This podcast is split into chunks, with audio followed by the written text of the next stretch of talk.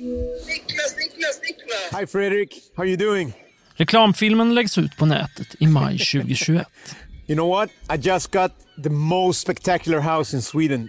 Det är kändismäklaren Fredrik Eklunds byrå som är avsändaren. Deras specialitet är dyra och spektakulära fastigheter. Men det här huset är dyrare och mer spektakulärt än de flesta. 350 million Swedish crowns. 350 miljoner kronor. Det är det högsta priset på en villa som någonsin legat ute på Hemnet. Bara budgeten för den här reklamfilmen ligger omkring miljonen. I just got one question. How am I gonna sell this? If you're gonna set an all-time historic record, make a video. Villa Söderås på Lidingö är en unik fastighet. 3300 kvadratmeter i Stockholms innerskärgård. Fullt utrustat restaurangkök, egen nattklubb, spaavdelning och 27 rum för besökande gäster. Och det är bara 15 minuter från Arlanda.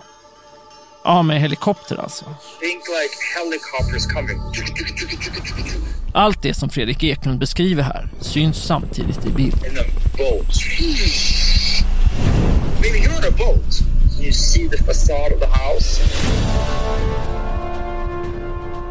Reklamfilmen och Hemnet-annonsen blir virala. Men vad de flesta som ser dem inte vet är att det här är kulmen på ett mysterium. Okay, I'm gonna do it. Talk to you later. Bye. Ett mysterium som länge jäckat Lidingöborna. Villa Söderås har nämligen stått tomt i tio år. Under den tiden har det gjorts omfattande renoveringar. Det har satts upp staket, dubbla grindar och övervakningskameror. Folk har börjat kalla huset för Fort Söderås. Samtidigt har den hemlighetsfulla ägaren aldrig avslöjat vad han har för planer. Och det finns något med ägaren som har gjort Lidingöborna extra oroliga. Hans påstådda kopplingar till Ryssland. Vad sysslar han egentligen med där inne, har de undrat.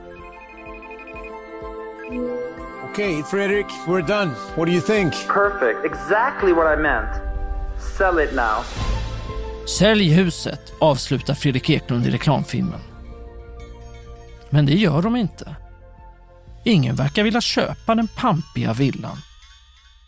Varför det? Oligarker skulle sitta och förhandla om vapen och guld och diamanter. Bruce Springsteen skulle flytta dit. Det är väldigt lättförsvarad terräng. Omvandlingen av de gamla kärnvapenmissilerna är en följd av nedrustningsavtalen mellan Ryssland och USA. Lidingö verkar ibland som en stor syjunta. Jag heter Adam Svanell och det här är Lyxvillans hemlighet. En följetong från Svenska Dagbladets podd Blenda.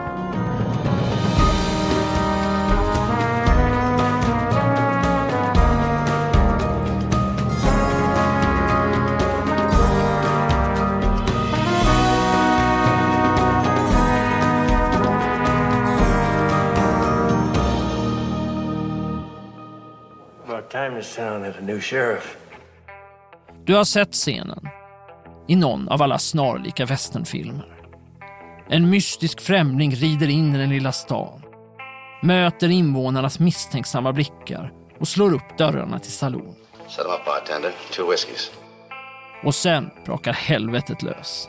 We don't like to see bad boys like you in town.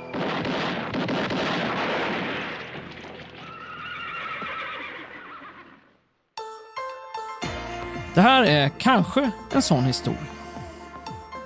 Och den lilla stan, den heter Lidingö. Lidingö har många smeknamn. Sommarön, Kändisön, Den gröna ön, Hälsans ö. Och som med de flesta platser som folk älskar är de som bor där måna om att den inte förstörs. Följaktligen har Lidingöborna genom historien gjort sig kända för att vara försiktigt inställda till nymodigheter och intryck utifrån. Det sägs att det tog två veckor innan nyheten om Gustav IIIs död nådde ut till ön. Det fanns ingen bro förrän på 1800-talet. Och när man på 1940-talet höll en arkitekttävling för att bygga ett nytt centrum så dröjde det 50 år innan det stod klart.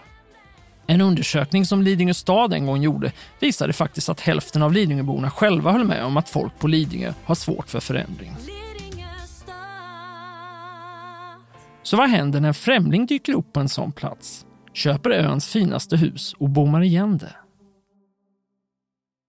I den här serien berättar författaren och journalisten Lars Berge historien om Villa Söderås. I medierna känt som Sveriges dyraste hus. Ett hus som inte har gått att sälja. Men frågar man folk på Lidingö så tror en del att det är något mer än så. Nämligen platsen för ett slag mellan öst och väst.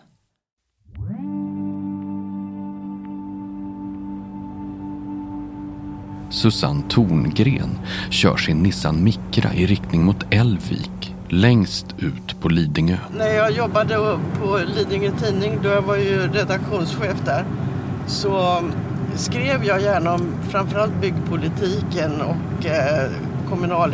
Jag tyckte det var spännande frågor att skriva om.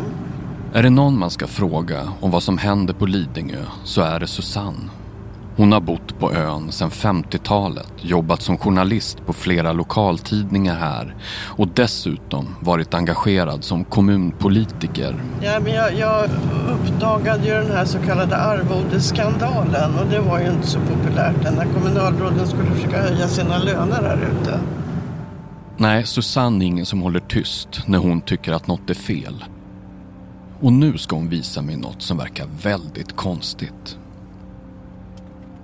Vi åker förbi hagar med hästar och längs vattnet ligger lyxhotell, konferensanläggningar och stora villor. Det tar 20 minuter att köra från Stockholm city, över Lidingöbron tills man kommer hit till Elvik.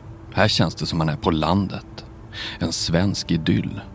Det var faktiskt här på Älvvikslandet som Bellman en gång skrev melodin till Fjäril Vingad syns på Haga. Nu ska vi se, nu kommer vi ju åkandes här mm, här vid vattnet. Älvvik, ja. Väldigt vackert här ju. Mm. Susanne och jag är här för att se ett av Stockholms mest omtalade hus, Villa Söderås. Susanne har skrivit en massa artiklar om Villa Söderås. Fastigheten har varit till salu i snart tre år och det har varit ett ärende i stadsbyggnadsnämnden i mer än tio år. Du ser, om man vill titta in där då får man ju liksom lägga på backen och glo. Ja. Jag undrar vad som skulle hända om man gjorde det, om det kommer någon rusande. Vad tror vi, du? Ska vi kolla? ska vi? Ja, vi gör det.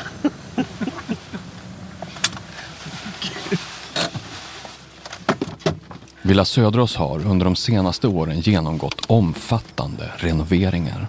Nu blir vi ju filmade. Ser du där, kamerorna, de står ju åt alla möjliga håll där uppe. Men vad fan, ska vi ringa på eller? Officiellt är det ingen som bor på Villa Söderås. Och så har det varit sedan fastigheten fick ny ägare i slutet av 2012, alltså för mer än tio år sedan. Men boende i området säger att de har sett bilar åka in och ut genom grindarna sent om kvällarna. Bilar med diplomatskyltar Folk har sett hur det lyser i fönstren och hur någon rör sig i den stora trädgården innanför avspärrningarna. Men ingen vet vem det är. Jag försöker trycka här på den här knappsatsen men det, man måste ha en bricka för att komma in. Ja, då är det väl en sån här nyckelbricka. Ja, jag kanske kan titta. Jag är ganska lång. Men du, det är ju så att det är dubbla häckar ser jag nu när jag sträcker mig över här. Det är dubbla häckar och eh, det är en till likadan sån här grind eh, 40 meter längre upp i backen här. Så det är två grindar. Om någon gömmer sig där inne så verkar det vara en person som vill vara i fred. Runt den stora tomten, mellan täta tujahäckar som förhindrar insyn, löper ett högt ståltrådsstaket. Det sitter övervakningskameror överallt. Och innanför den stora grinden finns ytterligare en grind utrustad med kameror som bildar en sluss för inpasserande bilar. Men så här har det inte alltid varit. Och hur var Söderås innan det här hände då? Vad kunde man göra här då? Ja, folk promenerade ju nedanför här. Du ser strandpromenaden och man kunde gå in och dricka kaffe och Det var ju många bröllop och själv har jag ju haft två minnesstunder och ett 70-årsfirande här uppe. Det var valborgseldar. Hej, jag Ryan Reynolds. På Mint Mobile, we like to do the opposite of what Big Wireless does. They charge you a lot, we charge you a little. So naturally, when they announced they'd be raising their prices due to inflation, we decided to deflate our prices due to not hating you. That's right. We're cutting the price of Mint Unlimited from $30 a month to just $15 a month. Give it a try at mintmobile.com slash switch. $45 upfront for three months plus taxes and fees. Promote for new customers for limited time. Unlimited more than 40 gigabytes per month. Slows. Full terms at mintmobile.com.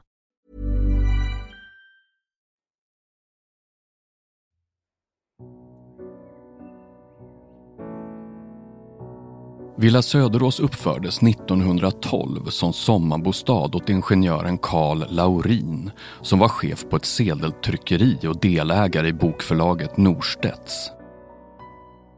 Villan byggdes i jugendstil i södersluttning ner mot fjärden. Med sitt branta säteritak, vitputsade fasader och stora fönsterpartier blev det en av de mest magnifika skärgårdsvillorna i hela Stockholmsområdet. Ja, det byggdes ju från början som en privatbostad och var det ganska länge. Sen så togs det över av en kvinna och hon drev ska man säga, sjukhem. Och sen blev väl hon för gammal så då sålde hon. Ett tag ägdes villan av PK-banken, alltså det som idag heter Nordea. Faktum är att det var här på Villa Söderås som bankledningen hade sitt högkvarter under Norrmalmstorgsdramat 1973. Du vet när en bankrånare tog ett gäng bankanställda som gisslan på en bank och kändisbrottslingen Clark Olofsson skickades in för att medla men istället lierade sig med rånarna. Men kan vi inte låta mig och Elisabeth och Clark och rånaren att de får ner sina utländska pengar och två pistoler och så får vi åka iväg. För det vill jag. I fjärden, rakt utanför huset, ligger Svanholmen. En liten ö med några röda hus med vita knutar. Som har blivit känd från reklamfilmer från Gevalia och Grumme tvättsåpa. Det tycker jag verkar bra för framtiden. Grumme tvättsåpa. Ren tvätt. För miljontals färjepassagerare varje år är huset bland det första de ser när de börjar närma sig Stockholm. Och för allmänheten på Lidingö var det länge ett populärt utflyktsmål. Det var Lidingöbornas dröm om den där fantastiska sommarvillan i skärgården. Och nu har vi inte den kvar längre.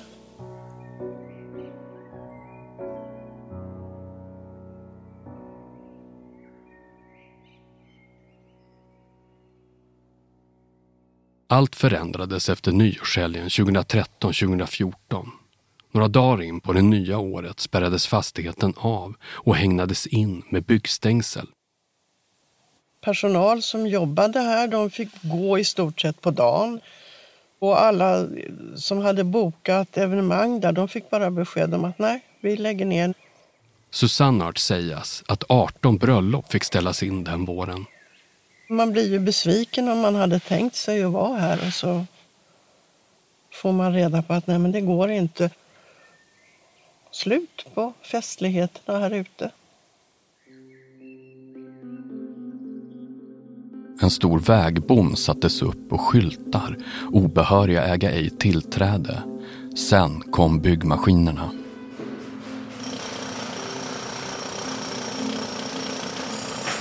Grindarna som de har satt upp ser ju väldigt bastanta ut och de är på något sätt, man kan inte se igenom grindarna så att Nej, men vi, vi Lidingöbor har blivit berövade vårt Söderås. Och vad hände då? Ja, då hände väl egentligen ingenting förrän de högg ner träd på stadens mark. Då började ju Lidingöborna att fundera över vad det är som pågår ute på Söderås.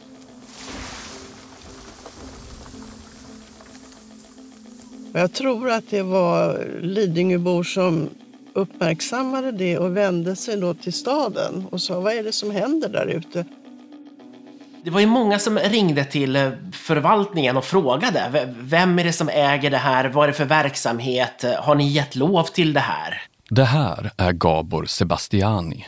Han är politiker för Centerpartiet och ledamot i miljö- och stadsbyggnadsnämnden på Lidingö. Man var ju tvungen att gå ut i media från kommunen eller gå ut på hemsidan i alla fall och berätta att så här, nej, det här, det här är inget vi har, har gett lov till. Och eh, vi har ingen aning om vem som är ägaren och vi, har ingen aning om vad den framtida verksamheten är tänkt att bli. Vad skapade det här för problem för er i byggnadsnämnden då? Kan du beskriva det? Uh, det, var ju många, många problem egentligen. Det var, det var ju, de ansökte om massa små bygglov. Det var något fönster som skulle sättas igen, någon takkupa som skulle ändras. Uh, och vi fick ju aldrig någon, någon helhetsberättelse om, om så här, vad, vad, är syftet? Var, varför gör ni det här? I vanliga bygglovsärenden brukar det finnas en motivering. En familj kanske har fått ytterligare ett barn och vill göra en utbyggnad. Men när det gäller Villa Söderås är det svårt för beslutsfattarna i nämnden att förstå vad den nya ägaren egentligen håller på med innanför avspärrningarna, säger Gabriel Sebastiani. Och när det sen byggs en jordvall runt hela fastigheten, ja, då fattar han och kollegorna ingenting. Vad är det här för konstiga jordhögar man har skottat ihop? Och, och, det var ju uppenbart för att dölja insynen. Så att där satte ju nyfikenheten också igång. Vad är det som händer där inne? Vad är det de vill att vi inte ska se? Eh, och, och, och ja, kort därpå så köpte man ju in eh, tujahäckar. Så att det var ganska stora tujor man köpte in och satte på toppen av den här jordhögen som gick runt hela toppen. Så satte man då flera rader med höga tujor.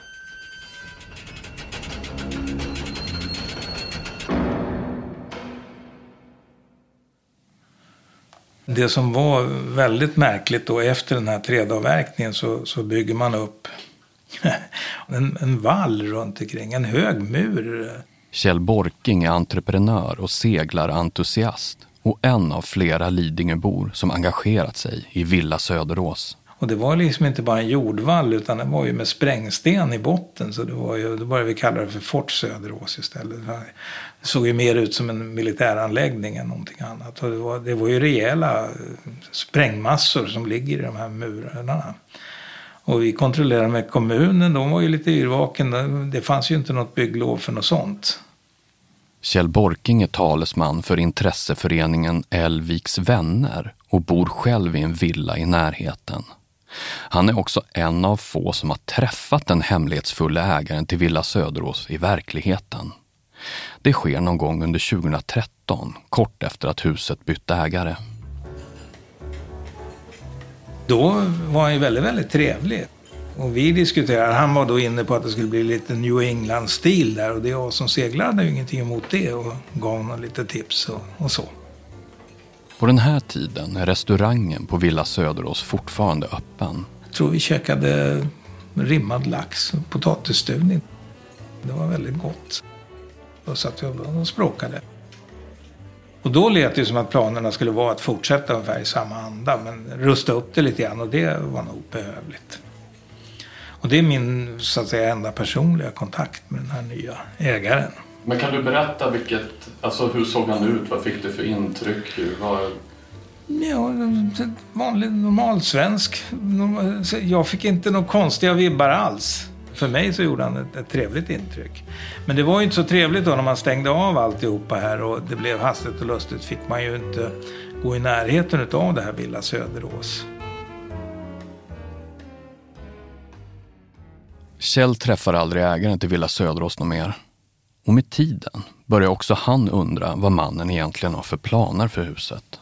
Kan du beskriva vad vi ser på bilderna? Här? Ja, det är ju en ganska stor grävskopa som står ovanpå jättestora stenbumlingar som då formerar de här vallarna. Som eh, fästningsvallarna som vi kallar dem. Kjell är 78 och pensionär. Han har tid och resurser. Så han och några andra Lidingöbor bestämmer sig för att försöka ta reda på vad som pågår på Villa Söderås. De börjar spana på huset.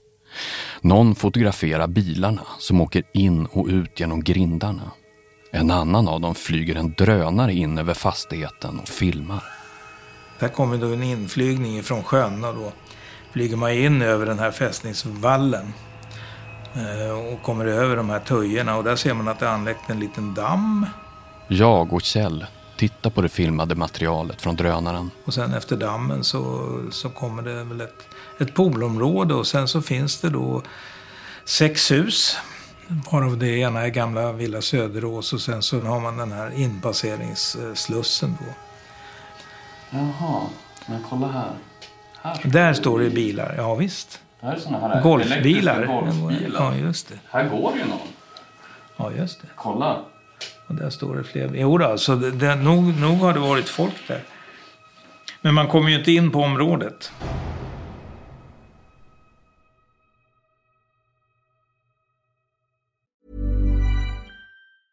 Hey, I'm Ryan Reynolds. Recently, I asked Mint Mobile's legal team if big wireless companies are allowed to raise prices due to inflation. They said yes. And then when I asked if raising prices technically violates those onerous two year contracts, they said, What the f are you talking about, you insane Hollywood ass? So to recap, we're cutting the price of Mint Unlimited from $30 a month to just $15 a month. Give it a try at mintmobile.com slash switch. $45 upfront for three months plus taxes and fees. Promo rate for new customers for limited time. Unlimited more than 40 gigabytes per month. Slows. Full terms at mintmobile.com. Uppgifterna om de stora ombyggnationerna når också journalisten Susanne Torngren som då börjar skriva om de märkliga turerna kring Villa Söderås.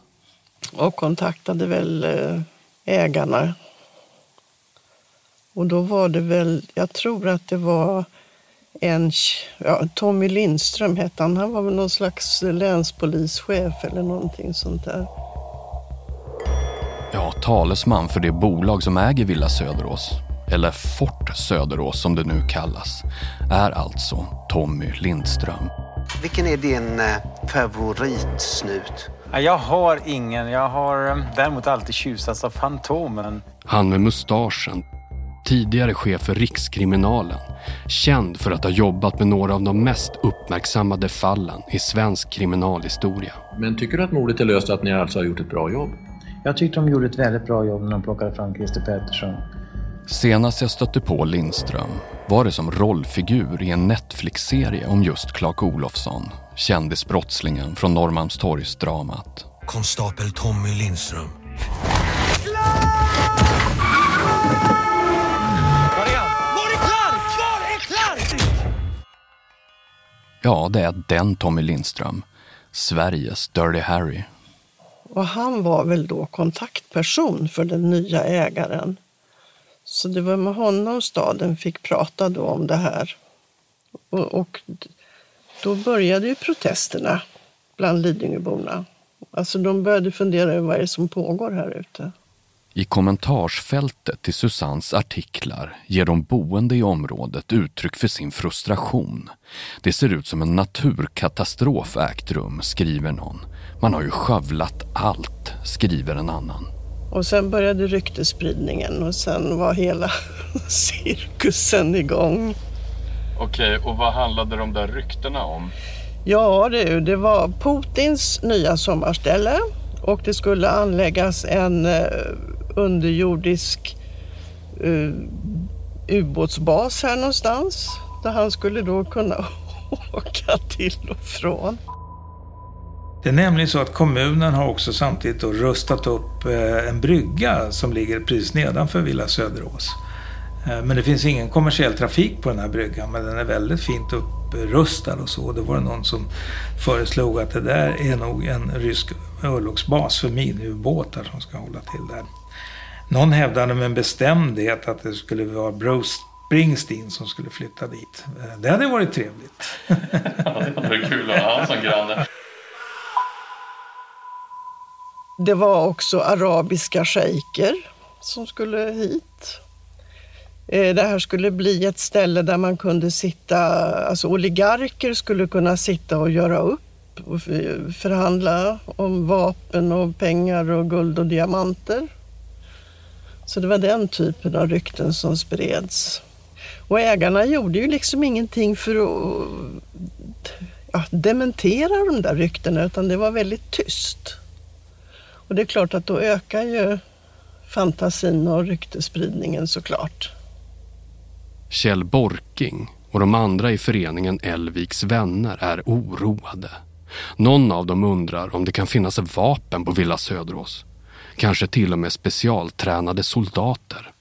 Att man fäller alla träd, det var väl någon som kan mer om det militära än vad jag kan. Men man uppfattar väl det som att man ville ha fri eh, sikt i, inom skotthåll så att säga.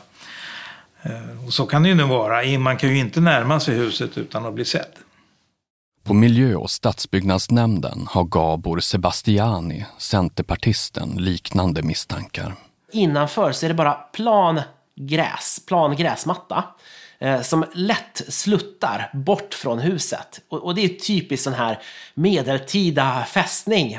Så det är ingen insyn. För Gabor har det ovanliga ärendet med Villa Söderås börjat ta mer och mer tid och tankekraft i anspråk. Han börjar nästan likna någon sorts privatspanare. Man, man bygger en borg högst upp på ett berg och man, man ser angripare som kommer lång väg. Så det är väldigt lätt försvarad eh, terräng. Om allt det här låter överdrivet så kanske vi ska nämna att ryktena om Söderås uppstår i oroliga tider. Ryssland har annekterat Krimhalvön i Ukraina. Ryskt bombflyg sägs ha övat anfall mot Sverige. Och hösten 2014 pågår en intensiv ubåtsjakt i Stockholms skärgård. Försvarsmakten kan nu bekräfta att en mindre ubåt kränkt svenskt territorium. Allvaret i detta är uppenbart. Tack befälhavaren. Då lämnar jag ordet till försvarsministern. Varsågod. Tack så mycket statsministern.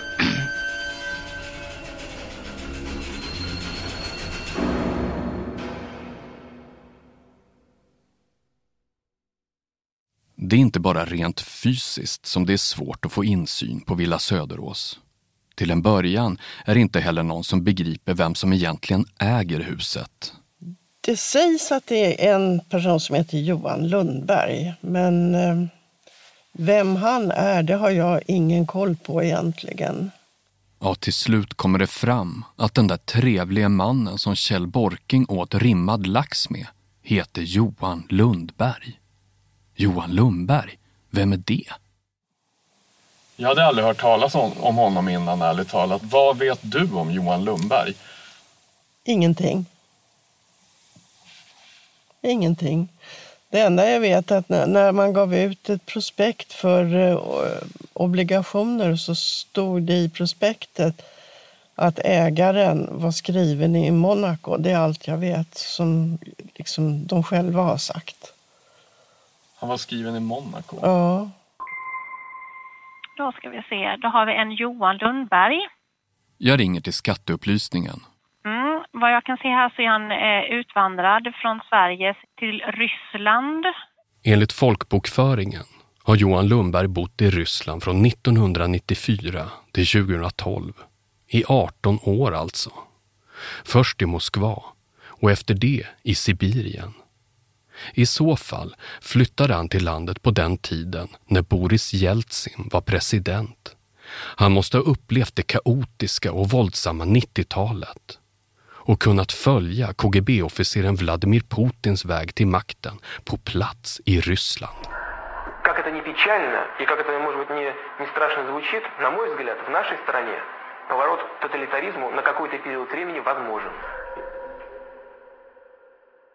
Kvinnan på Skatteverket berättar att Johan Lundberg också har varit gift med en rysk kvinna. De är skilda sedan 2004. I Schweiz bor hon idag verkar det som. Där, i Genève, bodde även Johan Lundberg i några år efter han lämnade Ryssland. Men numer bor han, åtminstone på pappret, inte alls i Monaco som journalisten Susanne Torngren trodde, utan i Dubai.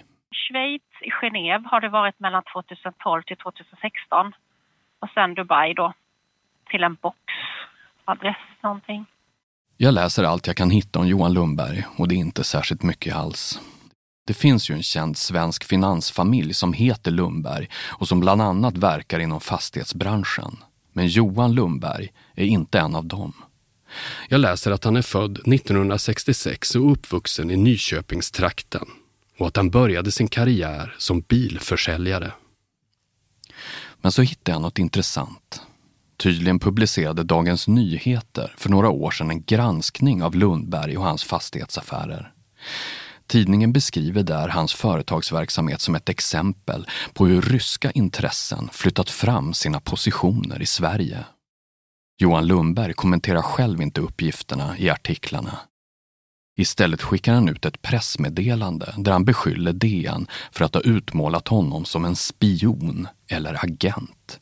Han stämmer tidningen för förtal. Och de backar faktiskt. Chefredaktören Peter Wolodarski skriver att han citat tar avstånd från och beklagar de felaktiga tolkningar av DNs publiceringar som gjorts. Slutcitat. Mest verkar Johan Lundberg ha ägnat sig åt att köpa, sälja och hyra ut fastigheter. Fastigheter som paketerats som bolag. Enligt Bolagsverkets register för verkliga huvudmän kontrollerar han idag 26 bolag i Sverige. Det här bolagsnätverket har gjort ett antal stora fastighetsaffärer, mest i Stockholmsområdet, där Johan Lundberg äger fastigheter värda flera miljarder. Ett av bolagen fungerar som moderbolag och frontar verksamheten. Det finns en hemsida som är under konstruktion men den saknar information om framtida projekt, vilka som jobbar i företaget och ingår i bolagets ledning. Sånt som brukar stå på stora fastighetsbolags hemsidor. Något huvudkontor verkar inte finnas. Adressen är en postbox i Stockholm. Några kontaktuppgifter till ägaren Johan Lundberg hittar jag inte heller någonstans. Jag bestämmer mig för att istället kontakta någon av de övriga styrelsemedlemmarna i bolaget som äger just Villa Söderås. Den första som kommer upp när jag söker heter Göran. Nej, det gör han. Hej Göran. Men det blir ett konstigt samtal. Det visar sig att Göran inte alls företräder bolaget som äger Villa Söderås, utan ett annat av Johan Lundbergs bolag. Ett bolag som heter nästan likadant, SQV Property istället för VSQ Property. Men Göran säger att han inte vet något om Villa Söderås. Nej, det vet jag. kan jag ingenting om. Nej, okej. Vad det var för någonting. Och han vill heller inte prata om bolaget som han faktiskt representerar.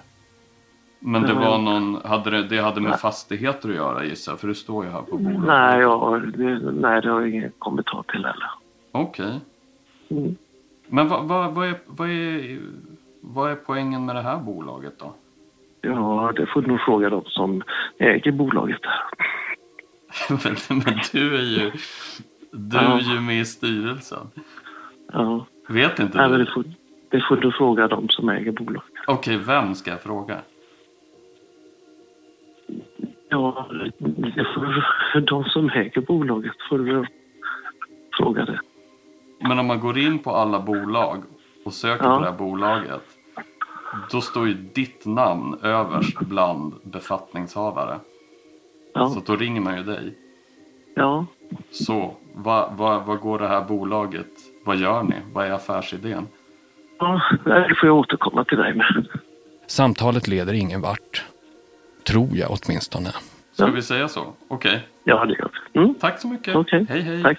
Hej, hej. Men det visar sig att min påringning sätter något i rullning. Någon halvtimme efter att jag och Göran har lagt på ringer det i min telefon från ett nummer jag inte känner igen. Hej det Lars. Hej, Hans Urus heter jag. Hej Hans. Jag representerar VSQ och Villa Söderås. Ja men god dag. Och eh, Jag blir förvånad. Jag har inte lämnat något nummer eller bett att få bli uppringd. Men nu har jag en talesperson för denne Johan Lundberg i luren. Jag förklarar att jag gärna vill intervjua den hemlighetsfulla affärsmannen. Att jag vill att han ska berätta vad han egentligen hade för planer för Villa Söderås. Och om hur han ser på den ryktesspridning som pågått på Lidingö om honom och huset. utsikten att få en intervju med honom är mikroskopiska. Mikroskopiska. Det låter inte jättelovande. Mindre mikroskopiska skulle jag säga. Jag, jag har ju eh, jobbat för honom lång tid och det har aldrig inträffat hittills. Talespersonen Hans Urus förklarar att Johan Lundberg inte har ställt upp på en intervju sedan 90-talet. Och jag frågar honom var Johan Lundberg befinner sig nu. Jag vet faktiskt inte var han är exakt just nu. Han, han är, reser ju extremt mycket. Jag har aldrig kommit i kontakt med någon person som har så mycket resande beroende på att han är, han är en internationell affärsman så han äh, har ju väldigt mycket tid i flygplan helt enkelt. Okej, och vart är han skriven någonstans? Han är skriven i Monaco. Mhm. Lever han själv? Har han, har han någon familj liksom, eller? Ja, jag höll på att säga, det är samma sak där. Här måste jag dubbelkolla med eh, min huvudman vad han vill göra publikt. Hans Urus låter ändå trevlig och han lovar att han ska tala med Johan Lundberg. Han ska framföra min fråga om en intervju, även om det verkar hopplöst. Och han ska kolla vad han själv får berätta om sin uppdragsgivare. Han måste ju vara Sveriges hemligaste person. Ja, men det, det, det finns faktiskt rätt många personer som eh, av olika skäl har valt att eh, inte eh, framträda på den officiella scenen. Anledningen att man inte känner till det, det är att då, då har de ju lyckats med att inte vilja synas. Men varför vill han inte synas? Ja, det, det, jag, jag kan se om jag kan få svar på den frågan. Jag blir bara mer och mer nyfiken på Johan Lundberg. Affärsmannen som köper Sveriges kanske fetaste villa, spärrar av den, gör stora ombyggnationer och låter den stå tom i tio års tid. Vem är han? Vad har han för planer? Och varför kom DN med de där antydningarna om hans band till Ryssland?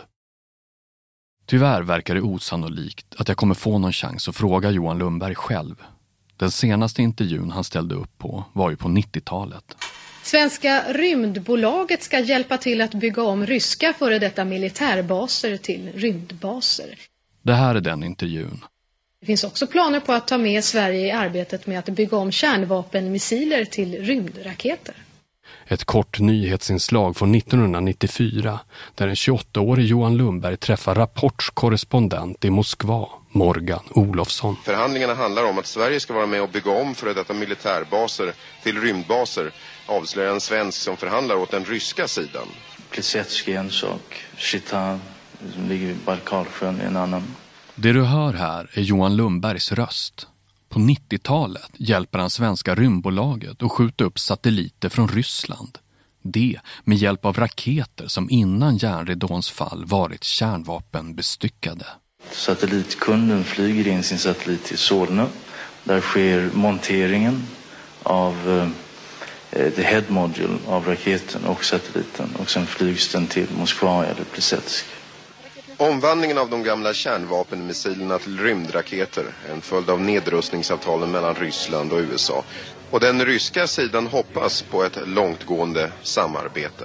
Кооперация двух стран, имеющих определенный опыт в области исследования космического пространства, в данном случае это Россия и Швеция. Johan Lundberg har alltså hållit sig undan offentligheten i 30 år. När han senast lät sig intervjuas var det sånt här han sysslade med. Någonstans kanske man ändå kan förstå varför folk på Lidingö undrar vem Villa Söderås ägare egentligen är och vad han ska göra med huset. När Kjell Borking kör en dragning på sin Rotary-klubb om Fort Söderås, som han kallar villan, säger de andra medlemmarna att han nog borde kontakta Säkerhetspolisen. Vi skrev faktiskt en orosanmälan till Säpo och sa att vi kan väl titta på det här för det här ser lite konstigt ut. Det är ju en väldigt strategiskt belägen plats. På vilket har, sätt? Ja, den, man har ju kontroll över hela inloppet till, Stockholms, eh, till Stockholm. Så man, det är ju väldigt strategiskt och bra placerat där om man vill hålla koll på vad som går in och ut i Stockholm. Och man skulle nog även kunna kontrollera inloppet om det skulle vara skarpt läge. Kan du inte läsa vad ni skrev där då? Platsen erbjuder perfekt kontroll över inloppet till Stockholm och därmed en tillgång till främmande makt i en utsatt situation. Dessutom har en ö som ligger utanför försetts med ett konstverk som inretts så att det kan användas som utkikspost. Det förekommer också ofta trafik med blåregistrerade bilar tillhörande Ryska federationen. Det var vad vi skrev då. Det låter nästan som att vår tids stora globala konflikt, den mellan Ryssland och väst, har kommit till Lidingö. Ett kalla kriget i miniatyr. Hur reagerade Säpo på Kjells och Elviks vänners orosanmälan? Och hur kändes det för affärsmannen Johan Lundberg att bli utpekad på det här sättet? De följande månaderna ska jag försöka ta reda på det. Och det, ska det visa sig, kommer inte att bli lätt.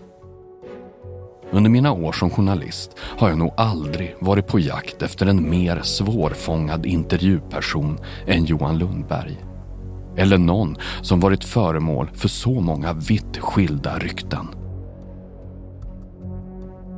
Spåren kommer att leda från Lidingö till Dubai och Moskva och vidare till en halvtom kontorsfastighet i Farsta i södra Stockholm. Och till slut kommer jag att hitta mig själv på en exklusiv medlemsklubb med dresscode i Londons mest fashionabla kvarter. Men dit är vägen lång och vindlande. Häng på!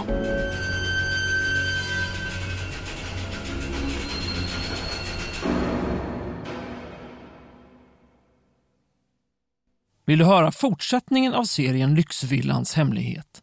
Gå då till svd.se blenda. Nu är det ju faktiskt en bil som har kört in på fastigheten och stannar här precis nedanför. En vit skåpbil. Alltså inne på Villa Söderås. I de kommande avsnitten Jag får bra betalt.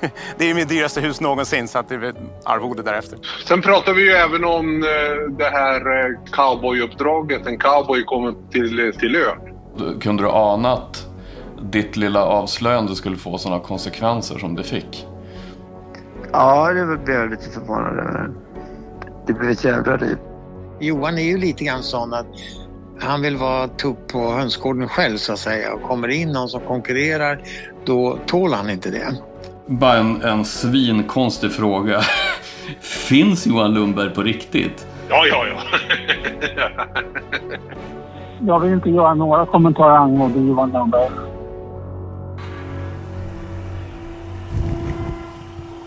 Vi äntligen komma in. Ja, precis. Hej, Adam Svanell. Hej, Johan Lundberg. Hej. Lars, du hör ju själv hur befängt det låter. Det är ju liksom, eh, ja, galet på riktigt. Lyssna på svd.se blenda.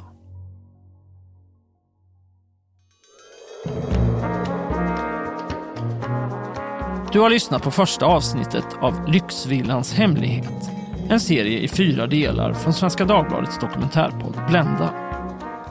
Reporter är Lars Berge. Producenter är Daniel Persson Mora och jag själv, Adam Svanell. Med i redaktionen finns också Daniel Kederstedt, Anders Billing, Magnus Arvidsson och Madeleine Levi. Slutmix av Elin Rosenberg. Arkivljuden i avsnittet kommer från Sveriges Television, Sveriges Radio, Netflix, Lidingö stad och Eklund Stockholm, New York. Och från filmerna För en handfull dollar, Mannen från vidderna och Mannen med oxpiskan. Ledmotivet till Blenda är skrivet av Martin Hederos. Den grafiska formen är gjord av Henrik Malmsten och Ebba Bonde. Programformatet Blenda är framtaget i samarbete med produktionsbolaget Banda. Ansvarig utgivare är Lisa Irenius och jag som är redaktör heter Adam Svanell.